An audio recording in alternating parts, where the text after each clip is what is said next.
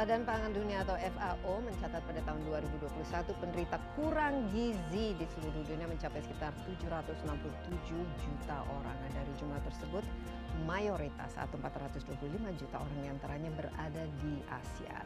Nah, dalam laporan bertajuk The State of Food Security and Nutrition in the World, Indonesia tercatat sebagai negara dengan jumlah penduduk kurang gizi tertinggi di kawasan Asia Tenggara dengan jumlah 17,7 juta orang.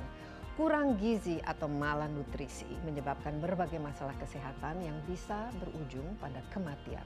Lalu, apa yang bisa kita lakukan untuk mengatasi malnutrisi ini? Insight akan membahasnya.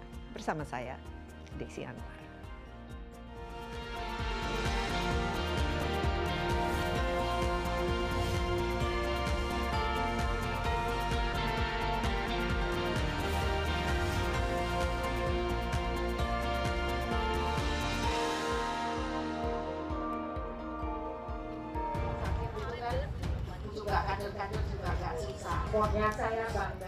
Menaikkan angka konsumsi nutrisi di Indonesia merupakan salah satu misi utama pemerintah agar terciptanya masyarakat Indonesia yang sehat dan produktif. Pemerintah Indonesia sendiri sudah memiliki target untuk menaikkan pencegahan malnutrisi pada anak balita sebesar 7 persen dan mencegah stunting di antara anak-anak di bawah usia 2 tahun sebesar 14 persen pada tahun 2024. Ahli gizi dari Persatuan Ahli Gizi Indonesia, Dr. Atmarita mengatakan saat ini Indonesia menghadapi tiga beban malnutrisi, yaitu kekurangan gizi, kelebihan gizi, serta defisiensi mikronutrien. Kekurangan gizi mencakup kekurangan berat badan atau underweight, berat badan rendah menurut usia, kerdil atau stunting, tinggi badan rendah menurut usia, dan kurus atau wasting berat badan rendah menurut tinggi badan. Sementara kelebihan gizi mencakup kegemukan atau overweight dan obesitas. Edukasi mengenai gizi seimbang penting disampaikan dan dipahami oleh semua anak di setiap tingkat usia. Itulah mengapa pemahaman akan masalah gizi harus dimulai dari lingkup masyarakat paling kecil, yaitu keluarga. Ya, menurut FAO, kurang gizi adalah kondisi di mana konsumsi makanan harian seseorang itu tidak mencukupi standar kebutuhan energi. Efek dari malnutrisi ini tentu saja beragam, mulai dari anak-anak yang terlahir dengan kondisi stunting atau kondisi kelebihan berat badan yang kita sebut sebagai obesitas, hingga tubuh kekurangan sel darah merah atau anemia. Yang juga tidak kalah penting adalah ancaman nutrisi yang disebabkan oleh isu perubahan iklim akibat dampaknya tentu saja pada ketahanan pangan dunia. Nah, untuk membahas, membahasnya lebih lanjut di studio sudah ada Lawrence Haddad, Executive Director of Global Alliance for Improved Nutrition atau GAIN. Lawrence, great to have you with us. Great to be with you. Welcome to the show. Welcome to Jakarta. Thank you. It's great to be back here again. And GAIN, now, tell us a little bit. What is GAIN? And what does it do and particularly with Indonesia mm-hmm. what are you working on and who do you partner with Desi, let me start out with the big picture. Mm-hmm. So um, it's a bit of a grim picture at the moment. We've got about 800 million people who are hungry globally. We've got 2 billion people who don't get enough micronutrients, mm-hmm. the vitamins and yep. minerals like zinc and iron. Then we've got 3 billion people globally who can't afford a healthy diet. So when we look at the faces of malnutrition, um, it depends where you are. They have different faces. Uh, they could be diabetes, uh, high blood pressure, yep. obesity, anemia, wasting, which is children that mm -hmm. are mm-hmm. skin and bone, and stunting, which are children essentially you think they're maybe eight or nine, and mm -hmm. uh, mm-hmm. you think they're five or six, and they're really eight or nine. They're, they're very short for their height. And at the center of all of those faces of malnutrition is poor diets.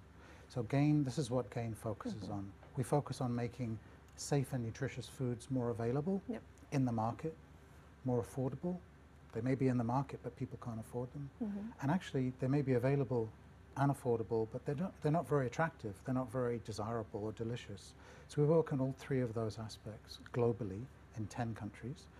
Here in Indonesia, we are working on a whole range of things. We won an award just recently in at the Dubai Expo for our work in Indonesia on preventing uh, post-capture fish losses. Mm -hmm. Fish is such an important yep. food in Indonesia, and for nutrition, it's vital, uh, and it's vital for the environment as well. So, about 60% of the fish that was captured was being lost, and so we worked with businesses, we worked with the government, we worked with civil society. Uh, that's how we tend to work in alliances, and we pulled them all together, and we created a, a fantastic network with lots of innovations of small businesses, um, mobile refrigeration units that can be strapped to bicycles to go to the last mile community with fresh fish. Uh, so that's the kind of thing we do.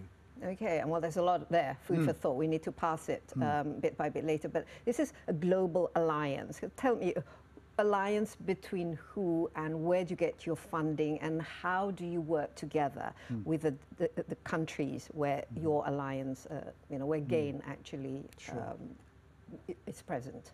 So we have, uh, we, we take the word alliance very seriously, and we have sort of global partners, and then we have um, alliances in each country. Very often, alliances for each problem we face, because the malnutrition is, it's caused by so many powerful malevolent factors coming together. It needs powerful alliances to overcome it. So our global partners are organizations like CARE, uh, like the World Wildlife uh, Foundation, uh, these kinds of partners.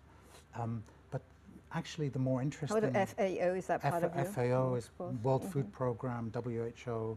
There's too many to really list all of all of them here, but uh, and of course, uh, governments are our key partners as well. And the fundings come from? The funding comes from um, the aid donors, the multilaterals, the bilateral found, uh, fou- um, governments, um, the Dutch, the Irish, the Germans, the Swiss, uh, US, Canada, foundations, uh, Rockefeller Foundation, Children's Investment Fund Foundation, Gates Foundation, these kinds of places.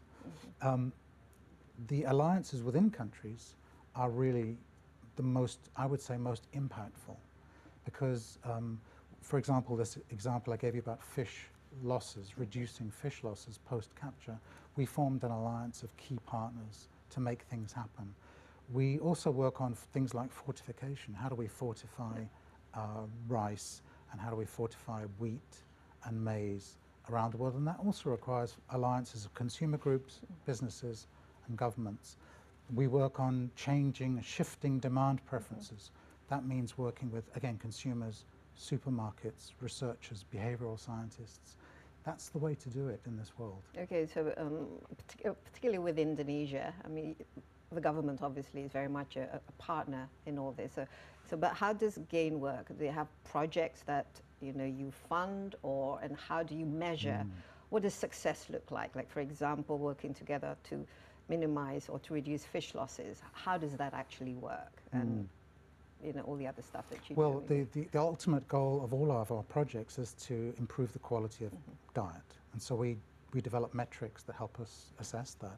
Diet diversity is one key way of, of looking at that. The more diverse a diet, the, the better it is for you. And sometimes it's as simple as more colors on the plate. Yeah, Um, absolutely. So that, that's, that's, the, that's all of our projects have that metric and we can add it up at a global level. Um, I'm sorry, I forgot the other part of your question, Desi. No, What was it? wh- when you you know what you're in Indonesia, so who do you actually you sit Ah, down yes. with, particularly on, for example, fish losses? Do you work together with the local, uh, with the, you know, the fisheries ministry? Yeah, the Ministry of Maritime Affairs and Mhm. Fisheries, we, yes, and Ministry of Health, uh, obviously very important. And you give advice, on, or you do fund Well, projects? what we end up doing is we look at, we, we say to the ministry, what are your priorities over the next three or four years? How can we support them? Mm-hmm. Um, they say, we'd like you to work in this area or this area on this issue or on that issue. We will then raise our funding from other sources outside of Indonesia, bring them here, working with partners in the particular area. Mm-hmm. It could be a civil society group, it could be a research organization, it could be some local businesses, and we will run essentially a pilot, and the pilot will maybe reach 100,000 people or 200,000 people. Uh, if it's successful, we'll, have, we'll get someone else to evaluate it. We can't evaluate Yep. our own projects. If it's successful, we then work with government to scale it and build it into policy. Or another way of scaling it is to scale it with businesses. Okay. Can you give an example Yeah. of one of the successful, one of your you know best practices, so to speak? Yeah, one of our one of the things we're very for in Indonesia. yes, no, one of the things we're very very proud of is this so-called emo demo. Emo demo. Okay. Emo demo, emotional demonstration. Emotional demonstrations. So that's a thing now, emo demo. That is a thing. that is a thing. And it started here, and I think it's going to take off around the world.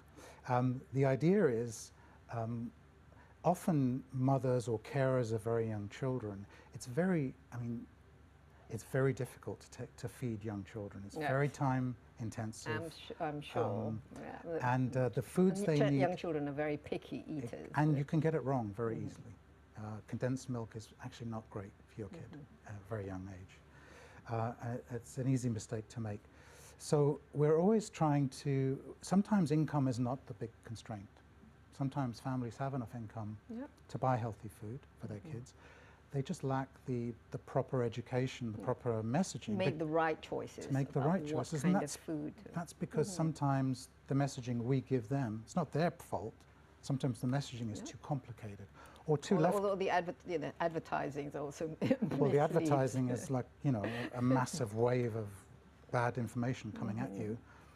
But uh, very often the messaging f- that's trying to promote good food is very, you know, left brain. It's very logical. Yeah. I don't know. Uh, uh, uh, my, my, my own kids, I was trying to get them to eat healthier food. I would say, you should eat this. It's really good And they for go, you. why, Daddy? And they just roll their eyes at Yeah, me. who Uh, eats Brussels So you, sprouts? so that's that's not the way to communicate. You need more right brain. You need more emo demo, which is on the right brain. Emo is, is emotional. emotional, yeah. Emotional. So, an example, we would, um, working in the Posyandus, we would buy some uh, chips or cheese puffs that were easily available, very low cost, very Mm-hmm. Yeah. tasty, kids clamoring for them, Yeah. dissolve them in a cup of water with a, a, group of mothers and parents sitting around, dissolve it in a cup of water. You see this oil slick on the top of a cup. You smell this, all these chemicals coming off, and it, it elicits that kind of response, Okay. a sort of a recoiling response from the mothers, and it registers with them that this is bad. That that is a very very good way to put you know people off particularly young children off really unhealthy snacks you know lovely colors and they smell good and everything and then you show them what it's actually made of and it's like very yucky. Okay lawrence this is this is very very interesting because you know health and nutrition at the end of the day you know this is like the basic fundamentals of life. Without health without good nutrition you know everything is basically can't do anything. It's pointless. Okay we'll take a little break but we will continue after this break. Insight with Desi Anwar akan segera kembali. Tetaplah bersama kami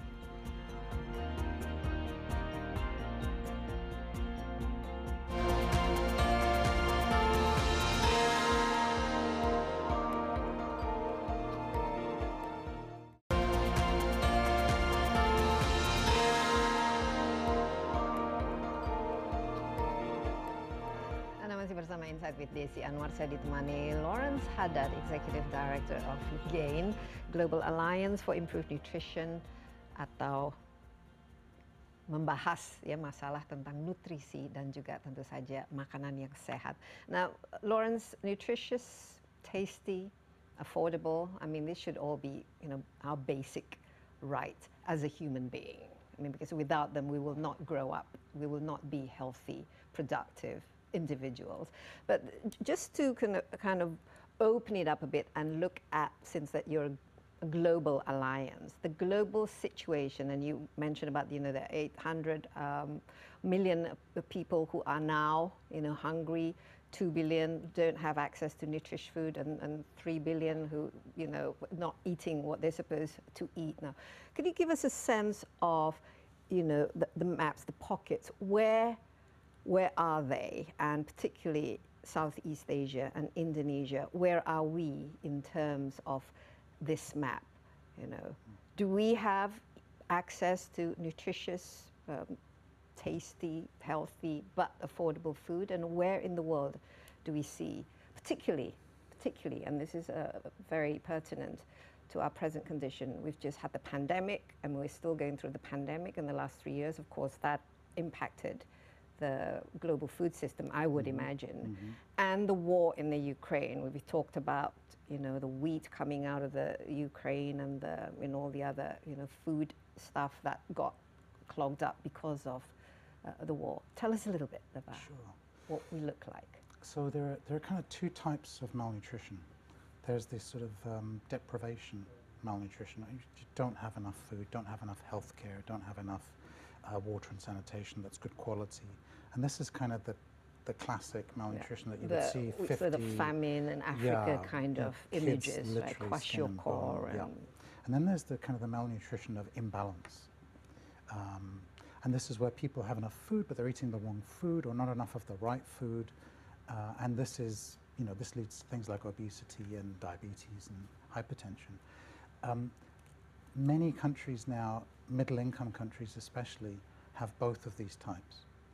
Uh, and, it, and, they, and some communities have the same, and some families have both, and some individuals have both. They have, they're both deficient in some things and they're, they're consuming too much of other things. And Indonesia really has this mix. We call it sometimes the double burden or the triple burden Mhm. of malnutrition.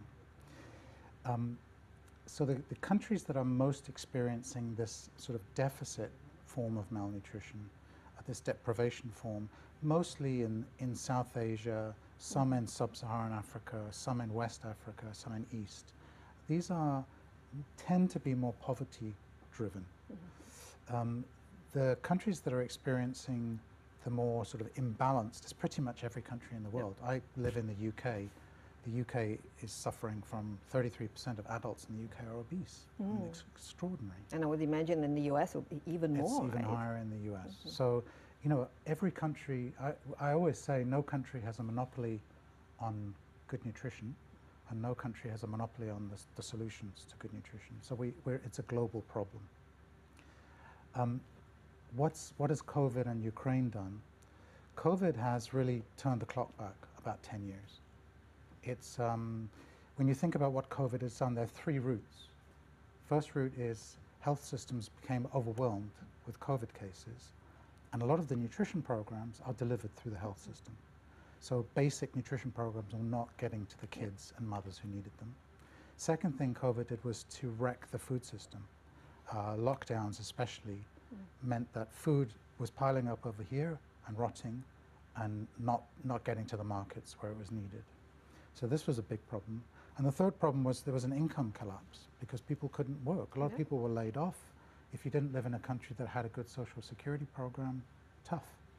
And so without income to buy food and, and, and other things that are for, good for nutrition, without access to mm-hmm. food, without access to these health programs, malnutrition rates have gone up by about 20% in the last two years.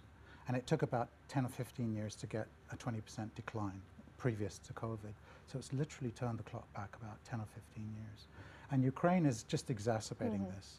Um, again, against the backdrop of climate change, steadily ratcheting up the stakes. That, that, is, that is an issue in and so. Ukraine has, um, you know, really, i it's, it's really, the numbers are scary. Mm-hmm. COVID number, COVID has affected hunger. It's, it's gone up from about 700 million to 800 million. I, full, I fully expect, we haven't got the hunger numbers in to reflect Ukraine yet, but with food prices at an all-time high, I fully expect the hunger numbers to go up by another 50 to 100 million to maybe 900 million globally. So it, And it's, so it's what is grim. yeah what is gain? Uh, do, uh, do- you have you know a particular program in order to overcome Yep. these uh, Yep. you know F- stepping back by ten years? Absolutely. I mean, we, are, we, we put together a program called Keeping Food Markets Working. So we, we, we said, what's the big problem here? Food markets are not working. So the first thing we did was say, we know health workers are really vital. Mm-hmm. For frontline health workers are vital. And in my country, in the UK, there was a, mm-hmm. a weekly applause for health workers because of the incredible things they were doing. But food workers are also incredibly important. People growing the food, moving the food, selling the food, marketing the food. So we did a, we, we put in place, as soon as COVID hit in February, March 2020, we put in place a, a series of programs to help uh, food workers in food, in, in farming, in food processing places, to, to give them extra food and extra healthy food and, and really good nutrition messaging uh, and to help And them that's working. that. So that's working brilliantly. Second thing we did was a lot of food markets, wet markets especially, were shutting down because there were all these and now um, verified um, rumors that it was the wet market in Wuhan that that caused, that, yeah, caused the this. So virus a lot of the wet markets were closing down. There was no protocol. Um, municipal authorities were spooked. So we said, well, we can help develop the protocols f- to keep these markets opening, the distancing protocols, the mask wearing protocols, the hand washing, all that stuff. And so we worked with WHO we developed a whole set of protocols and applied them to about 10 big food markets in the countries we work in. The third, the third really important thing we did was to get finance to small and medium enterprises. Small and medium enterprises are the, the backbone of food systems for poor people and low income people. But they don't have the ability to ride out crises like the bigger companies do. They have no reserves of Yeah. operating capital. Uh, and they're too big for micro lending and too small for the big banks. So we set up a facility called the Nutritious Food Financing Facility to get funding to those companies. And it, it wasn't much. It was about $10 million. Uh, Is this also something that you're doing Yes. with Indonesia? Uh, Exactly, yes. So these three things we did in, because in the, the you know yeah Yep. the small and particularly the micro ent- uh, enterprise they're the most affected obviously i mean poverty levels have gone down and of course um, like i said in the, go- the government budget a lot of it is and actually has to focus in trying to overcome the pandemic so the, i think this is a it's a very important work that i think you know like gain is doing in order to help overcome some of these issues. We'll take another uh, break, Lawrence, but we still have a lot to discuss uh, in this program. Tetaplah bersama kami, Insight with Desi Anwar akan segera kembali.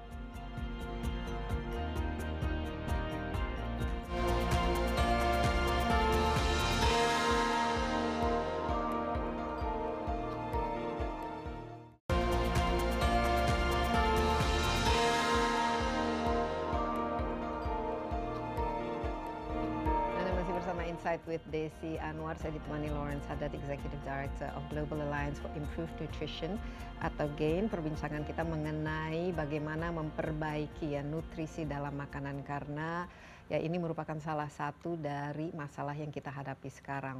Banyak sekali makanan tapi tidak ada nutrisinya dan justru yang terjadi adalah malnutrisi dan juga obesitas dan Indonesia juga merupakan salah satu negara yang ternyata memiliki masalah dalam nutrisinya. Um, Lawrence, the we talked a little bit about causes. Poverty, you mentioned, is uh, one of them, of course, and also so the pandemic and the war in the Ukraine have set things back over a decade. But if if you see the last few decades and um, you know the the kind of foods that our parents or even you know I'm quite old so when what the stuff that I used to eat when I was young and now there is some kind of sort of evolution which um, correct me if I'm wrong it's also linked to basically globalization and the way that our food is being you know, grown, produced, packaged, manufactured, and distributed around the world. And could you tell us a little bit how the impact of the food systems and the producing, buying, selling, advertising this food that is actually creating the problem that we have now? Where if we go to a supermarket, for example, it's like shelves full of, you know, packaged food, all sorts of things, and yet at the same time, you know, people are getting sick from, you know, bad diet. Tell us a little bit about that because I think uh, uh, that's a very interesting aspect about our modern life, isn't it? Yeah, it's a really, it's a really, no, all your points are spot on, Desi. When I, I started doing this quite a while ago, back in the late 80s, and at that point in time, we used to think that income growth was a good thing. It would, it would reduce malnutrition slowly, unevenly, but it would reduce malnutrition. You get into the 2000s, past the end of the millennium, and, and you begin to see income growth actually driving malnutrition in many places. And why is that?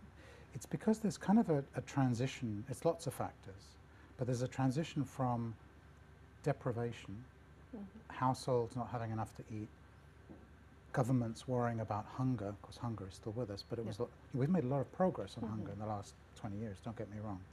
But that transition has sort of left people with the mindset of, well, more food is better. Mm-hmm. Um, and so we've become more sedentary. the foods that we consume have become less whole foods. Mm. So there's more ultra highly processed foods. Mm, processed foods, junk food. processed food is not bad. Mm-hmm. Think of tinned food and uh, dried food and salted food. That's not bad. It's the highly processed food that you don't even know what it's come from. Twinkie bars, you know, that kind of stuff. Um, yeah, junk food. So that's become more available to people as incomes grow. The prices have gone down as because they're all basically staple based, cereal based. And so prices of cereals have come down. Um, the ability to move food around has become better. Mm-hmm. Plastics have been used more. Um, people have less time to cook now, so they want convenience, they want packaged foods. And all of this stuff has just led to more and more of the wrong kinds of foods being consumed. And these foods are so highly refined, hmm. they don't actually send signals to our appetite mechanism to say mm-hmm. slow down. Whole foods are very bulky. They have a lot of stuff in them, and they say to your they say to your appetite mechanism, stop now. Yeah, I mean, you can't eat you can't have, eat three bananas. I mean, it's just the fact. I mean, you might be able, but I certainly can't. You know, it's just you get full. Yeah.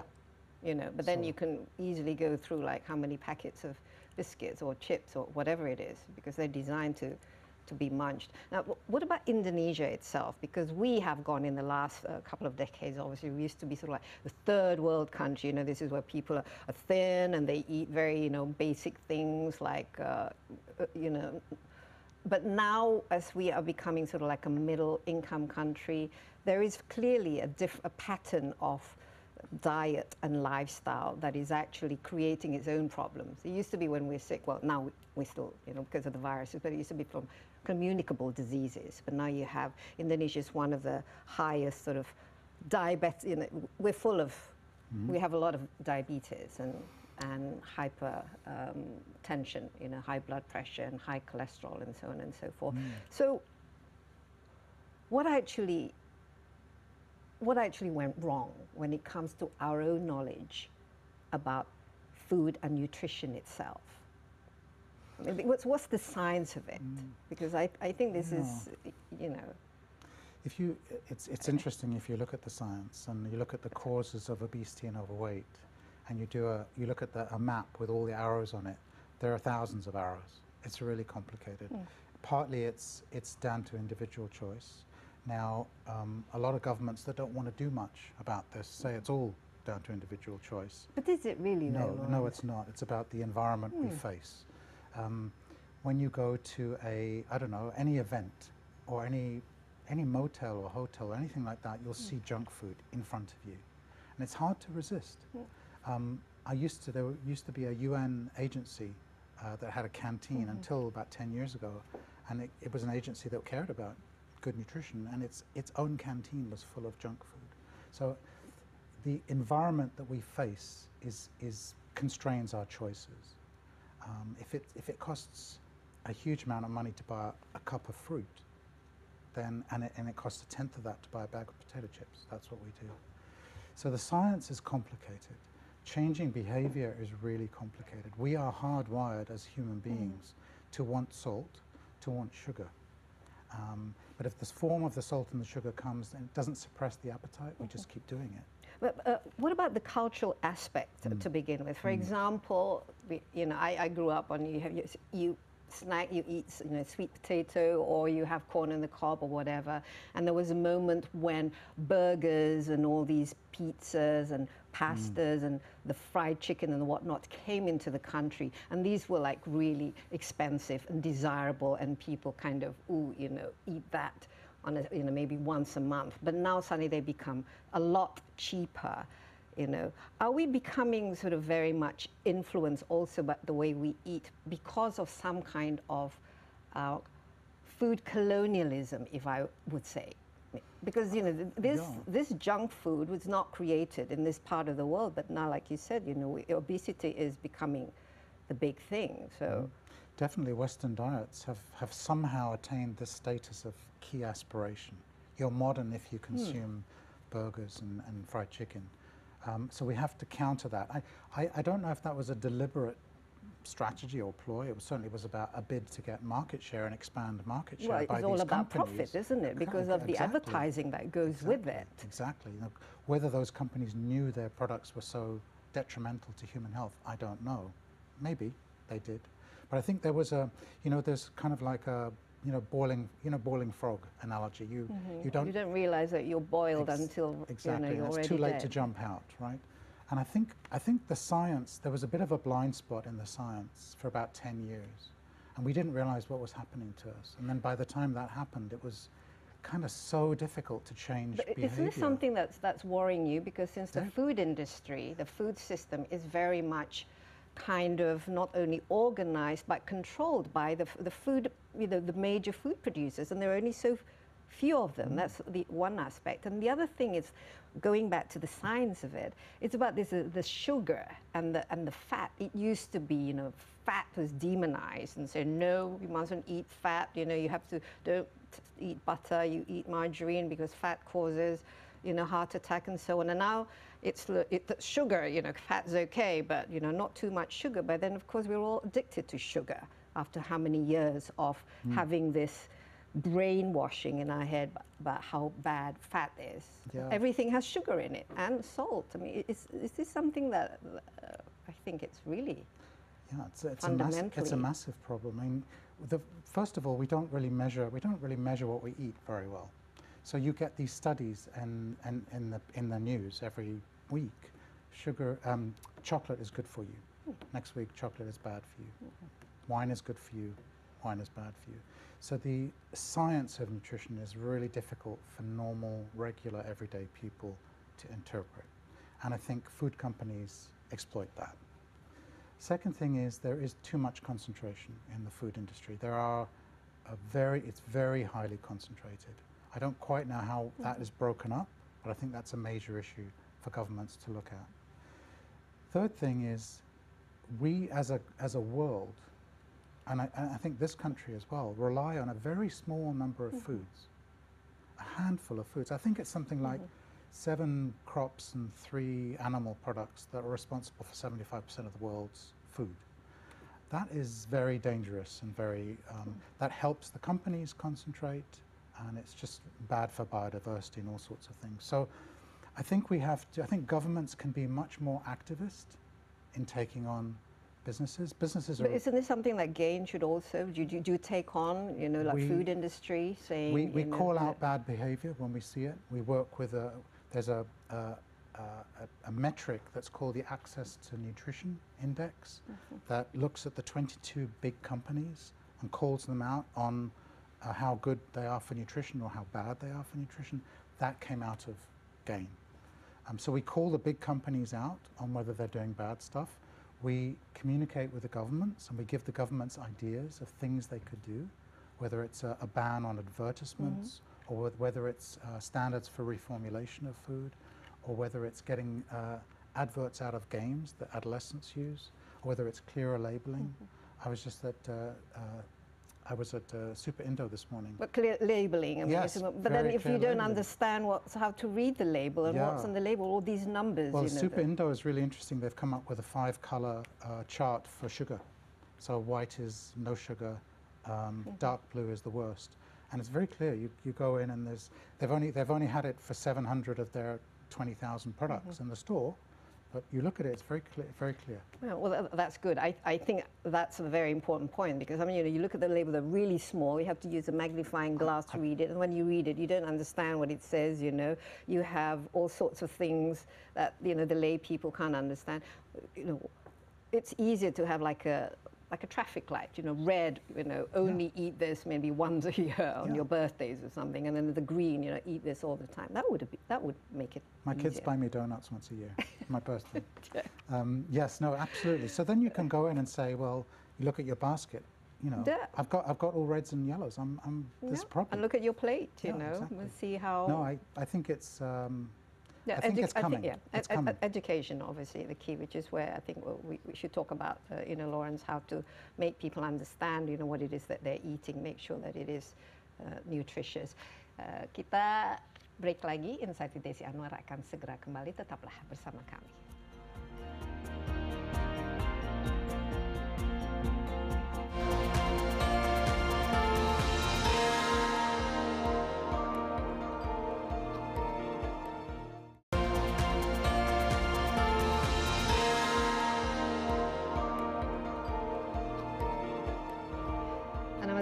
Insight with Desi Anwar dengan saya di studio ada Executive Director of Global Alliance for Improved Nutrition atau GAIN Lawrence Haddad Lawrence.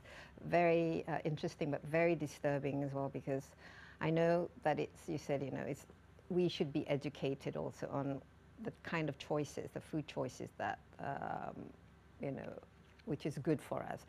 But it's difficult, like you said, if the environment actually doesn't support it. For example, like when you go to supermarket, you have like this, the shelves full of all these processed food, packaged food with, you know, all sorts of things in it, the colorings, the preservatives, the additives, and the whatnots, which are clearly not good for us, I'm sure. Um, and it's actually getting more and more difficult to have access to fresh food. Now, just in a country like Indonesia, where you know, we, we have an abundance of everything here. You know, everything grows. Um, and yet, it's getting, it's easier, for example, to import apples from China than it is to, you know, we have so many different types of uh, fruits in, in Indonesia, but people are not eating the kind of fruits that I used to eat as a child, for example. And we have so many different types of grains and not just the, you know, your regular white rice. What is it about our current food system that makes it easier and cheaper to buy packaged stuff, stuff that are made in mm. factories, than it is to just, you know, get stuff that's growing off the ground. And this is not just in Indonesia, it's globally. It's, it's getting to the point where you want to be healthy and eat only fresh foods, and it's actually a lot more expensive than. So great question, Desi. I mean, there's been a, a move lately to move into the idea of food systems. So what is a food system? It's, it's a bunch of choices that people make about what to grow, where to grow it, how to grow it, how to process it, how to store it, how to consume it, how to prepare it, and so on. So it's a, it's a bunch of choices from form, uh, farm to fork, if you like. Mm -hmm. And it gives you, what, it, what does that do? It, you get lots of pretty diagrams, yeah. but actually it gives you a whole series of intervention points. Mm -hmm. So at, at GAIN, we like to look at things from three different angles. The supply side, the demand side, and the enabling environment mm -hmm. side. So on the supply side, what can we do to get more fresh fruits, fresh vegetables, fresh products in general? So on the supply side, governments have lots of things they can do. For example, they can procure these foods for their schools, for their health systems, for their social security programs. Um, a lot of governments don't. And I'm, I'm not talking about expensive foods, I'm mm. talking about pulses, beans, peas, millets. These are things that they could do. It sends a powerful signal to the, the private sector as well. Second thing, on the supply side, agricultural research and development in the state. Most countries' governments still focus most of their research and development on rice and wheat and maize. Hardly any on vegetables, mm fruits, pulses. They think the private sector will take care of it. Newsflash, they don't. So the state has to do that. That's on the supply side. Mm -hmm. On the demand side, most of the demand campaigns that are run by the public sector are pretty hopeless. They're very left brain. They tend to focus on logic and science, mm. which is good, but they as long as it's the right science. If it's the right science, yes. That's another issue we could talk about. But yes, it, it, you know, it, the, the, the, arguments usually go, you should eat this because it's good for you. And my own kids just roll their eyes when I say stuff like that to them, mm. and they're probably right to. So the public sector campaigns need to be more aspirational. They need to use more emotions, more right, more um, color. Um, so that's that's very important. And we work a lot with with governments to do that. We also work a lot, still on the demand side, mm -hmm. with youth. Uh, youth very important. Um, very important because they are, this is when a lot of dietary patterns, a lot of attitudes towards food are set. they, youth can also educate their families and their communities. Youth are future voters, mm. they are future consumers. And, and this is also current. what and GAIN does. We work a lot with uh, youth in Indonesia. We have a Health Heroes campaign where we mobilize, actually we don't mobilize, they mobilize, mm. we just support and facilitate. And it's been going well so far. It's going right? really well. It's, it's basically articulating mm. um, their priorities of youth, but also saying what they can do um, in their schools, in their community centres, in their families, and on social media.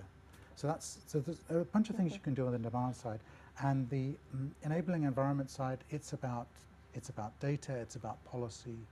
So there's you have to do all of these things in a food system. Most journalists will say to me, "What's the one thing we can do to fix this?" And I'll say, "Stop asking that question." Because there isn't one thing you do. You need to do 20 things, but you need to do it within a coherent framework. But is this something that the gov- you find the government, particularly government of Indonesia, doing? Are they incorporating it in their policy? Government has a really good um, food system transformation plan. It came out of the UN summit of last year. The challenge now is to implement it. Yeah, well, the, the, the challenge now, I mean, if you look at Indonesia um, now, you know, especially we are, we supposedly have this demographic bonus now, which means there are more people in a productive age. But these are also, uh, I was looking at, at the numbers uh, that it- you did, it's, that's where the obesity is, you know, the, in that kind of the productive age, and yet there are more of the obesity in that range. And at the same time, we have, particularly in the eastern part of Indonesia, cases of stunting, where you know children are born underweight, and then they will grow up and become, un, you know, healthy adults. But at the same time, we also have anemia cases of where, you know, and then you have the people with well, a lot of Indonesians have diabetes and you know are hypertensive. They mm. have high blood pressure, so, and smoking. I mean, I, at some point, I, it's, it's just that there's a gap.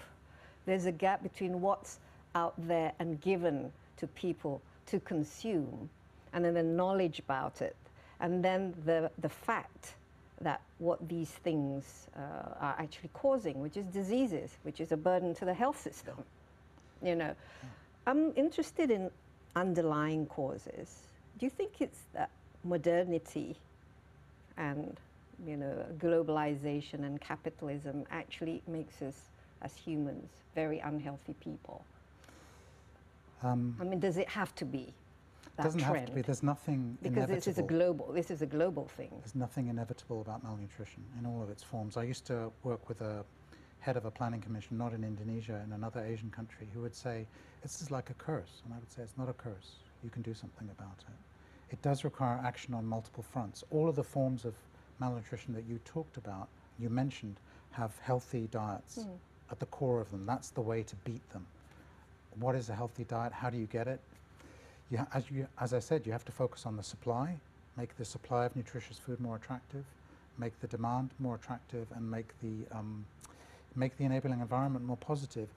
I think, I think global drivers, urbanization, globalization, um, aging, all of these, all of these drivers have pushed us towards where we are right now. But, But we haven't paid enough attention to them. We haven't, governments haven't realized how important, they haven't realized that food mm-hmm. choices are wrecking health systems.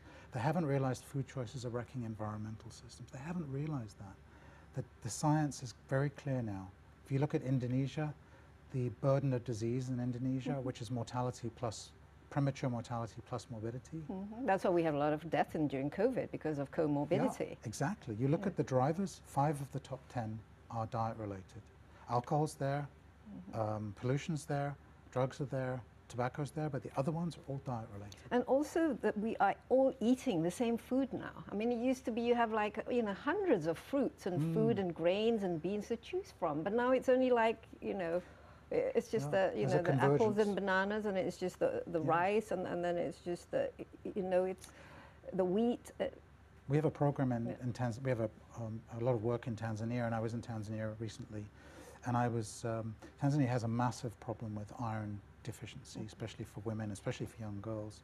And uh, we're always looking for cheap sources of iron in food, inexpensive.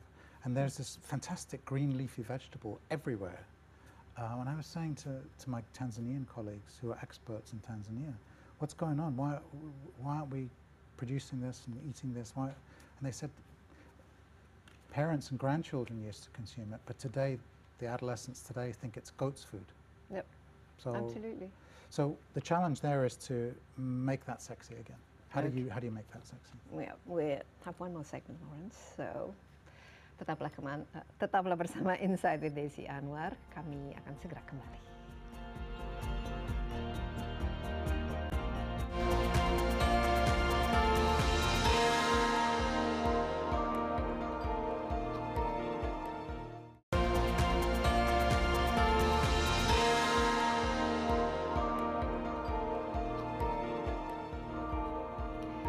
Masih bersama Insight with Desi Anwar. Saya bersama Executive Director Global Alliance for Improved Nutrition atau GAIN. Lawrence Haddad, this is our last segment and just uh, your thoughts on looking forward obviously in terms of the future is pretty grim, um, probably more viruses, more conflicts and of course the threats of climate change. Now when it comes to eating a nutritious food, uh, for example, as countries get richer, obviously, you know, they want to have more meat, more of um, the kind of stuff that they couldn't afford, you know, but their parents maybe could, couldn't afford more kind of um, things that are uh, farm produce and, mm. and milk and, and, dairy and meat and so on and so forth. But as we know that they say that the meat industry is one of the major causes of you know, greenhouse gases. It's a big contributor to climate change. Just this whole idea of you know, the climate change being a man-made um, thing, you know, how do we reconcile in the future when it comes to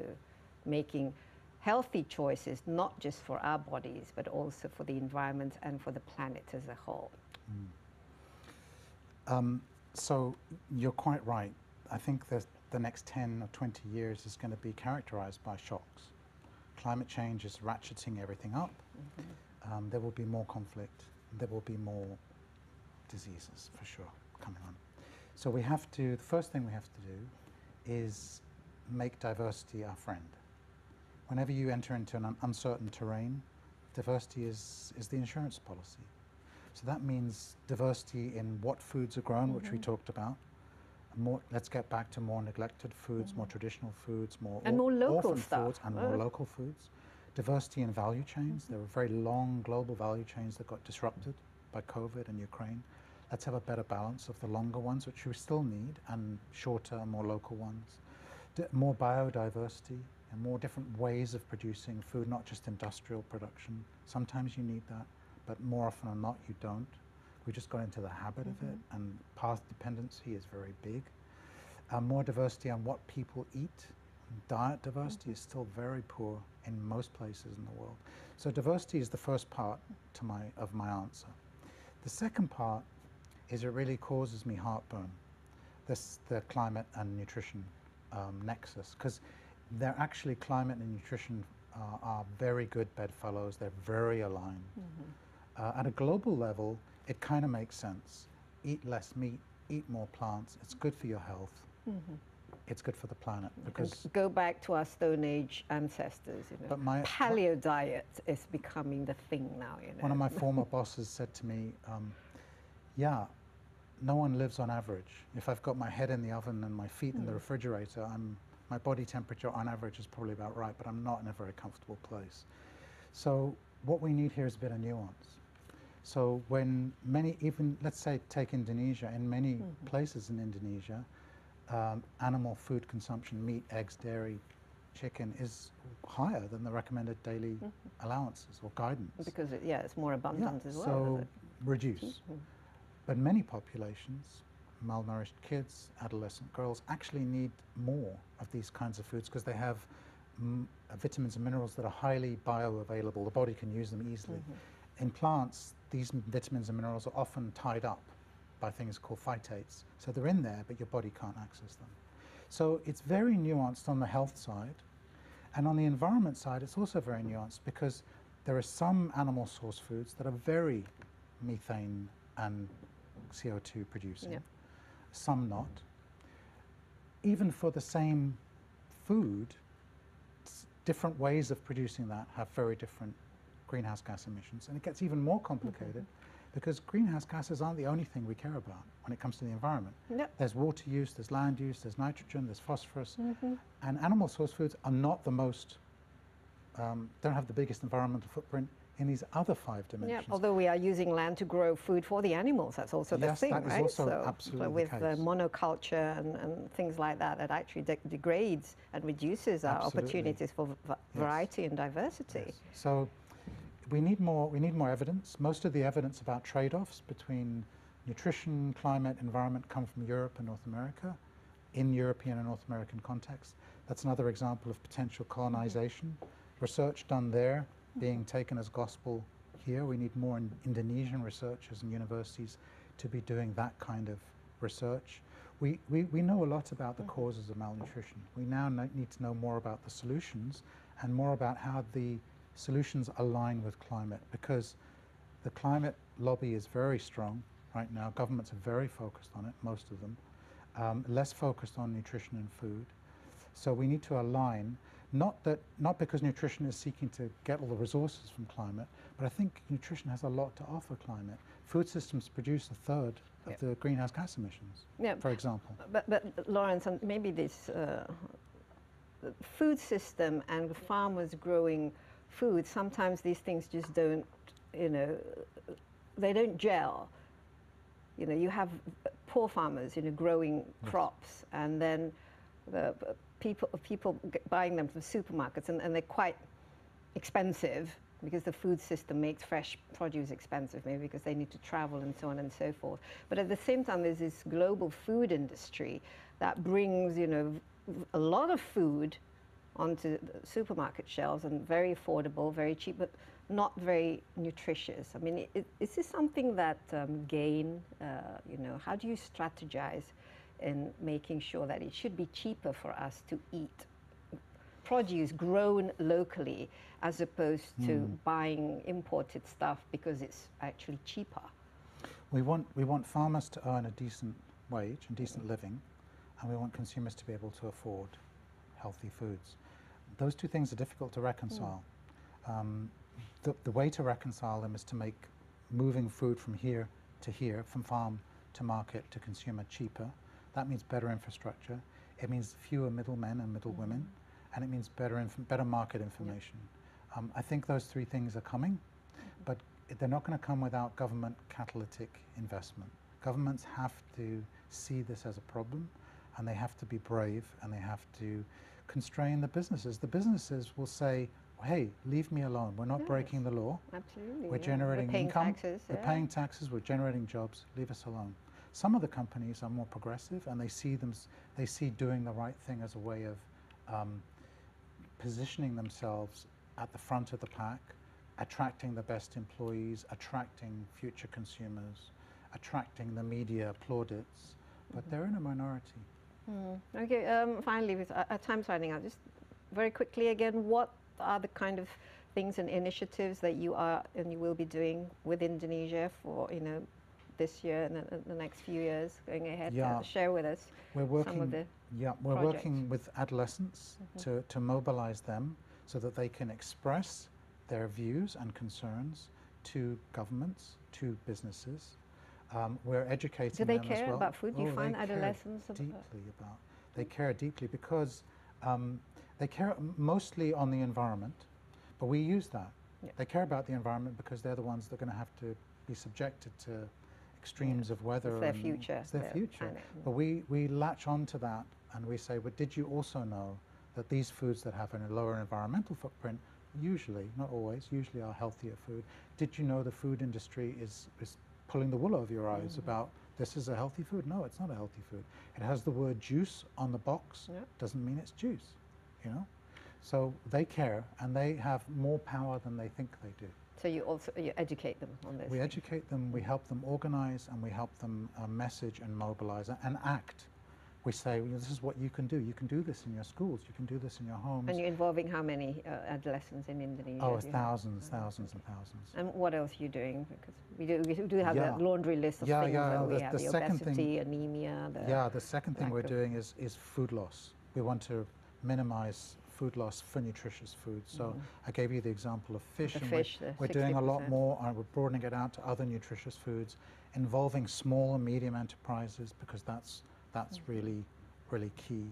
Um, we're also uh, working a lot at the community level, still trying to get this emo demo. Yes, um, this I love that. emotional Yeah. demonstration. it's in, I think, about 30 districts, uh, Mm-hmm. regencies. It could it can go easily to 514. And you just started, is that just it started a couple of, uh, about three years ago. We did five, and then we moved to 30, and we now need to work with the Ministry of Health to. Okay, to and scale you, that you've up. seen you know, positive results. Oh yes, yes. External results from the University of Sydney show very positive impacts on diet diversity. Okay, great. And Any last words, perhaps, on your trip to Indonesia? Who have you seen you Um, talking about and influencing, and also, you know, just making sure that everybody's eating good food because there's so much good food here in Indonesia. Not entirely sure whether they're healthy, but they're certainly very tasty. Uh, I, yes, it's very tasty. I'm, I'm watching my weight when I'm here. um, no, I think I think Indonesia's great strength. I mean, it has lots and lots of strengths, but the diversity is a really massive strength. Um, diversity of cultures, contexts, Mm. um, and foods, and we must you must make that diversity work hard. I think for the country. Uh, the other thing about the diversity is that you can there will be some regencies and cities that are doing better Of than course, others. yeah. And so we need to learn from those bright spots. And what, what can we all learn? So you have that ability to do that. Although it doesn't mean that because you have better income and better educated that you're actually No, healthier. It no. depends on the food choices you it make. depends on individual choices, government choices, business choices. Okay. All of us have a, a power on our plate. As do you we have? Do you stick to a good diet, Lawrence? Do you cut down on meat? reasonably so? Cut down vegetarian, on but meat. now vegan is a thing, right? I'm you not know? vegetarian, but I cut down on meat. Have more fish, less red meat, more chicken, more vegetables, And, more and your fruits. children are they conscious about stuff? Can we put on? pass that question, please? Working on it. Yeah, well, no snackings, no junk food. You know, stay away. Portion control is very important too. Yes. Portion sizes are very big. They don't need to mm-hmm. be. And don't forget the exercise. It's very That important. Thank you very much for your insight. It's been an absolute pleasure talking to you, and good luck with all the projects and the hard work that you're doing. Thank you, Desi. The media is so important to get the message out. Thank you so much. Absolutely. Demikian Insight with Desi Anwar kali ini. Anda juga dapat menyaksikan tayang ini di cnnindonesia.com dan YouTube CNN Indonesia Insight with Desi Anwar. Sampai jumpa. Stay safe. Bye-bye. Música